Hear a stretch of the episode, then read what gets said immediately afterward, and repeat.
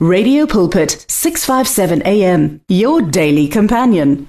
Hello, hello, hello, hello. My name is Pastor Kenny Mukwena and it's time for you to experience the blessing. I hope you are having a wonderful time where you are. Let's start the um show today with a word of prayer. Father, thank you so much for this opportunity to be in your presence. Thank you for your word that is able to change our lives forever. Thank you for those that are listening to this. I give you praise, glory, honor, and majesty in Jesus' name.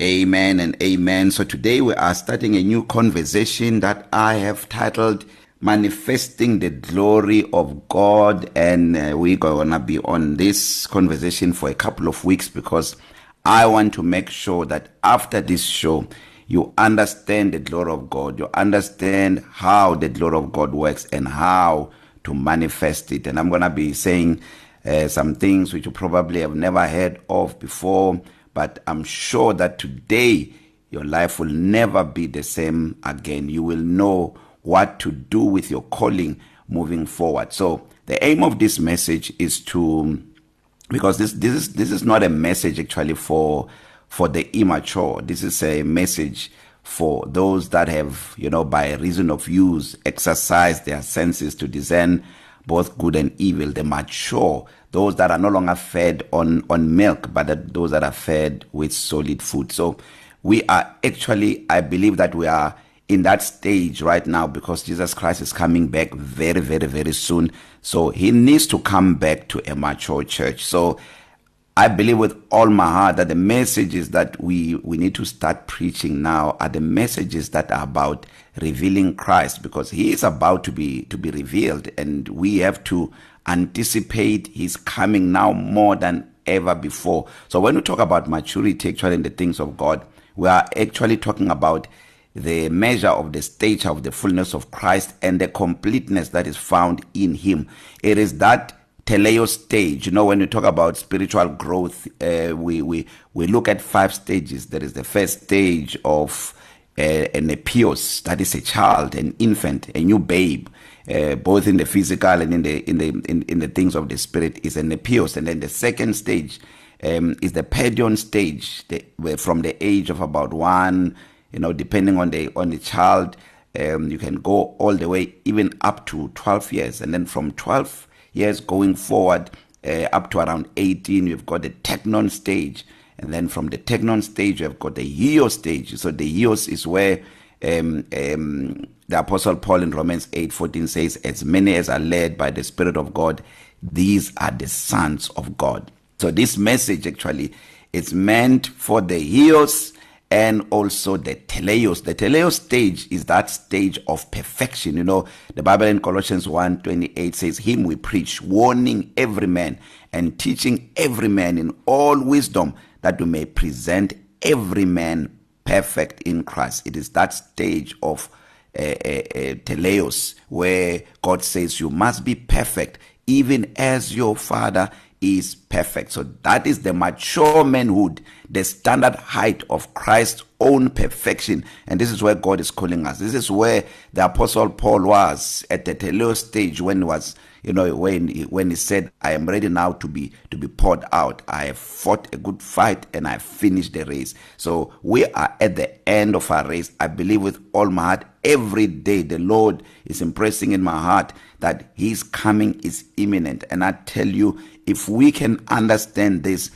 It, it, there's no way we can do things the same way we are doing things, you know, going about business as usual. It cannot be business as usual because the Son of God is coming back very, very, very soon. This is the time more than ever to win souls, to be very, very, very serious, aggressive, and intentional about, about winning souls. And those that are already won, they need to be prepared for his coming. They need to be prepared, you know, for the for the return of the Lord Jesus Christ. So I'm talking about manifesting the glory um, of God. You know, if you look at, and I'm going to use Romans 8, verse 30 um, in the Amplified Classic Edition as my as my main text for um, all these weeks that we're going to be on this message because that's where uh, a lot of things come very very clear. I want to depart from a certain place where today today's one is just going to be an introduction um and I hope this introduction will entice you for a lack of better word to uh, tune in even next week for this conversation. I promise you I can tell you now from the onset this is one of the most important message I have ever preached as a pastor and I'm so grateful that God gave me this revelation to share with you and I know I have no doubt none whatsoever I've never been so sure about a message that I've ever preached as I am sure about this message fresh from the throne of grace fresh from heaven meant just for you as the body of Christ and I hope you are ready for it so when you look at Romans 8 verse 30 it says and those whom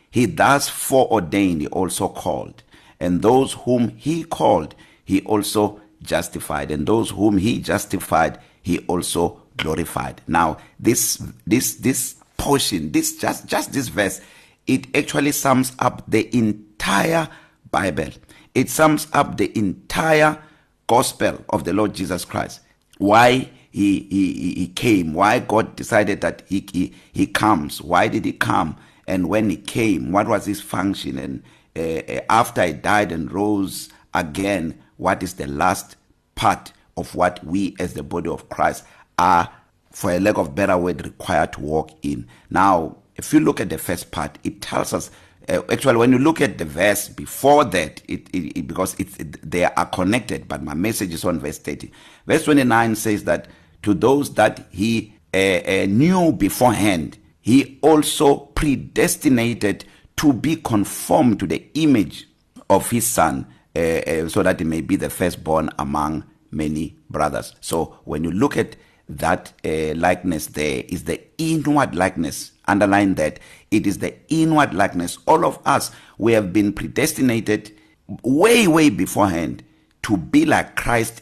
inwardly and to manifest him outwardly so note this because it's very very very important for this message manifesting the the the, the glory of God so now We're saying now in, in verse 30, for those whom he does foreordain, those that he predestinated beforehand. This is talking about even before the world began, even before the earth was formed. Remember, the Bible says that Jesus was slain before the foundations of the earth. So here he says, those he knew beforehand, he also called that word called. It literally means invited. Remember, uh, Jesus says, um, come unto me all you who labor and are heavy laden and I'll give you rest. That word they come, it's an invitation. It says come to me. So God foreordained us or predestinated us and then he called. Then he makes an invitation for us to come to him. And remember we're talking this uh, from the context of the death and resurrection of Jesus Christ. So uh, the calling there is the invitation to salvation. It is the it is the It is the second stage, but I call it the first stage insofar as we are concerned. Before you become a child of God, we know scripture established that you have to be you have to give your life to Christ and be born again. That's why John 1:12 says as many as received him to them he gave the right to become the children of God. So he invites you but the invitation does not give you a right until you accept the invitation and receive Jesus. Then it, it, it is the question of, you know, the Bible says many are called but few are chosen. They, they, they, this, this, this line, many are called, few are chosen, it, it, it works in many, many, many different contexts. But in this context, he calls everyone. Remember, even at the, during the wedding, everyone went out. Um, they, you, they were called to come.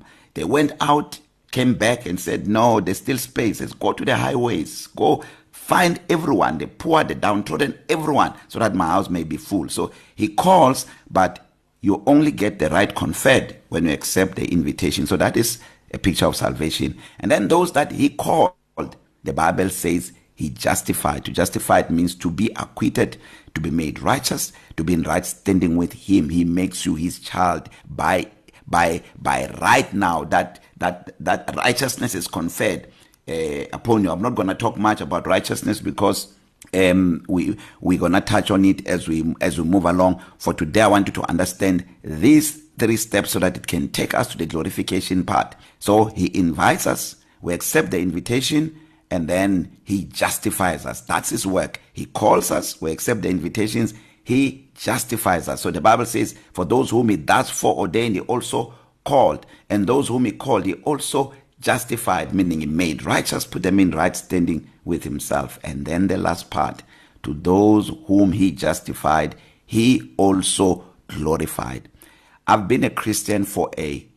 long time now i've been a pastor for for for many years now i can tell you now the majority of christians they end at justification they end at righteousness because righteousness is a big deal it's a big thing actually because for you to have the holy spirit you must you must you must have been declared righteous you must have been justified by God you must have given you the right standing is the right standing with him that qualifies you to have the holy spirit because God only confers righteousness to those that have received Jesus meaning they received the penalty uh, of Jesus, the just the justice of God that was that was uh, uh, inflicted on the Lord Jesus Christ. But then after justification comes glorification. A lot of Christians don't know what that means. They end at salvation. Yet at salvation, actually, I believe with all my heart, salvation is the beginning. When you enter salvation, you begin a process. Salvation is the first step. So look, if you look at this, and we're gonna break it down, and I show you scriptures elsewhere which now points to you what I'm talking about. So firstly, you you you you, you get saved, and then when you get saved, God makes you righteous. Remember, it's Him. He calls you when you accept the invitation. He makes you saved, and then after you got saved, what then happens? The Bible says He declares you righteous, and then after righteousness, he glorifies you so listen glorification is conferred it's not end just like salvation god does it but there is remember verse 29 Romans 8:29 talks about the inward likeness that inward likeness must manifest in the outside and when it manifests in the outside that is called glorification when when when God now begin to manifest himself we're going to deal in the next episode with um What is the glory of God? Actually, I can even tell you now. The simple definition of glory. Glory is defined in different uh, uh, uh context here because remember the English language is limited. So we've got doxa that dis- that defines the glory of God, and we also have got kabod, which also speaks of His presence. There is connections there, but glory in the from when you draw it from doxa it is the unspoken manifestation of god god's splendor and the splendor means beautiful or impressive feature or quality of something so when we talk about glory glory is not something that is just on you and it does nothing no glory has got an element of manifestation on it it has got an, an element of a, a certain display on it. That's why even Isaiah 60 says, Arise and shine. What is making you to shine is that manifestation of God upon you. So, in the next episode, we're going to start then delving into what God has put in the scriptures insofar as manifestation is concerned because it, it, it is not helpful to say I have the glory of God in me. But the question is, do you manifest the glory of God? And we're going to talk about the dynamics of the manifestation of the glory of God because the children of God needs to know how to manifest the glory of God in these last days. So I've run out of time for today. I want to pray for you right now. If you are not born again, you have not made Jesus the Lord of your life. So in terms of this scripture that we are using today, Romans 8 verse 8, it says, He, those he knew beforehand, those he foreordained, he also called that is an invitation to salvation and i want to give you that invitation on behalf of the lord jesus christ right now he's calling you to become saved to become a child of god so that you can become a child of god by right and when you receive him he justifies you. He acquits you of all your sin. He makes you to be in right standing with him. And then when you are righteous, then you get into the glorification stage, which is God's unspoken manifestation of his son Jesus. So let me pray for you if you are not born again. You must believe in your heart that when Jesus died on the cross, he was dying for you. And then make this prayer with me. Say, Lord Jesus, I receive you now as my Lord and my Savior. Amen and amen. If you made that prayer, you are born again. You are my brother. You are my sister. I will see you in heaven. God bless you. I love you so much. Have a wonderful day till we meet again next time. I hope you don't miss the next episode. God bless. The words of the Lord are words of life. Your heart is on 657 AM. 657 AM. Radio for believers in action.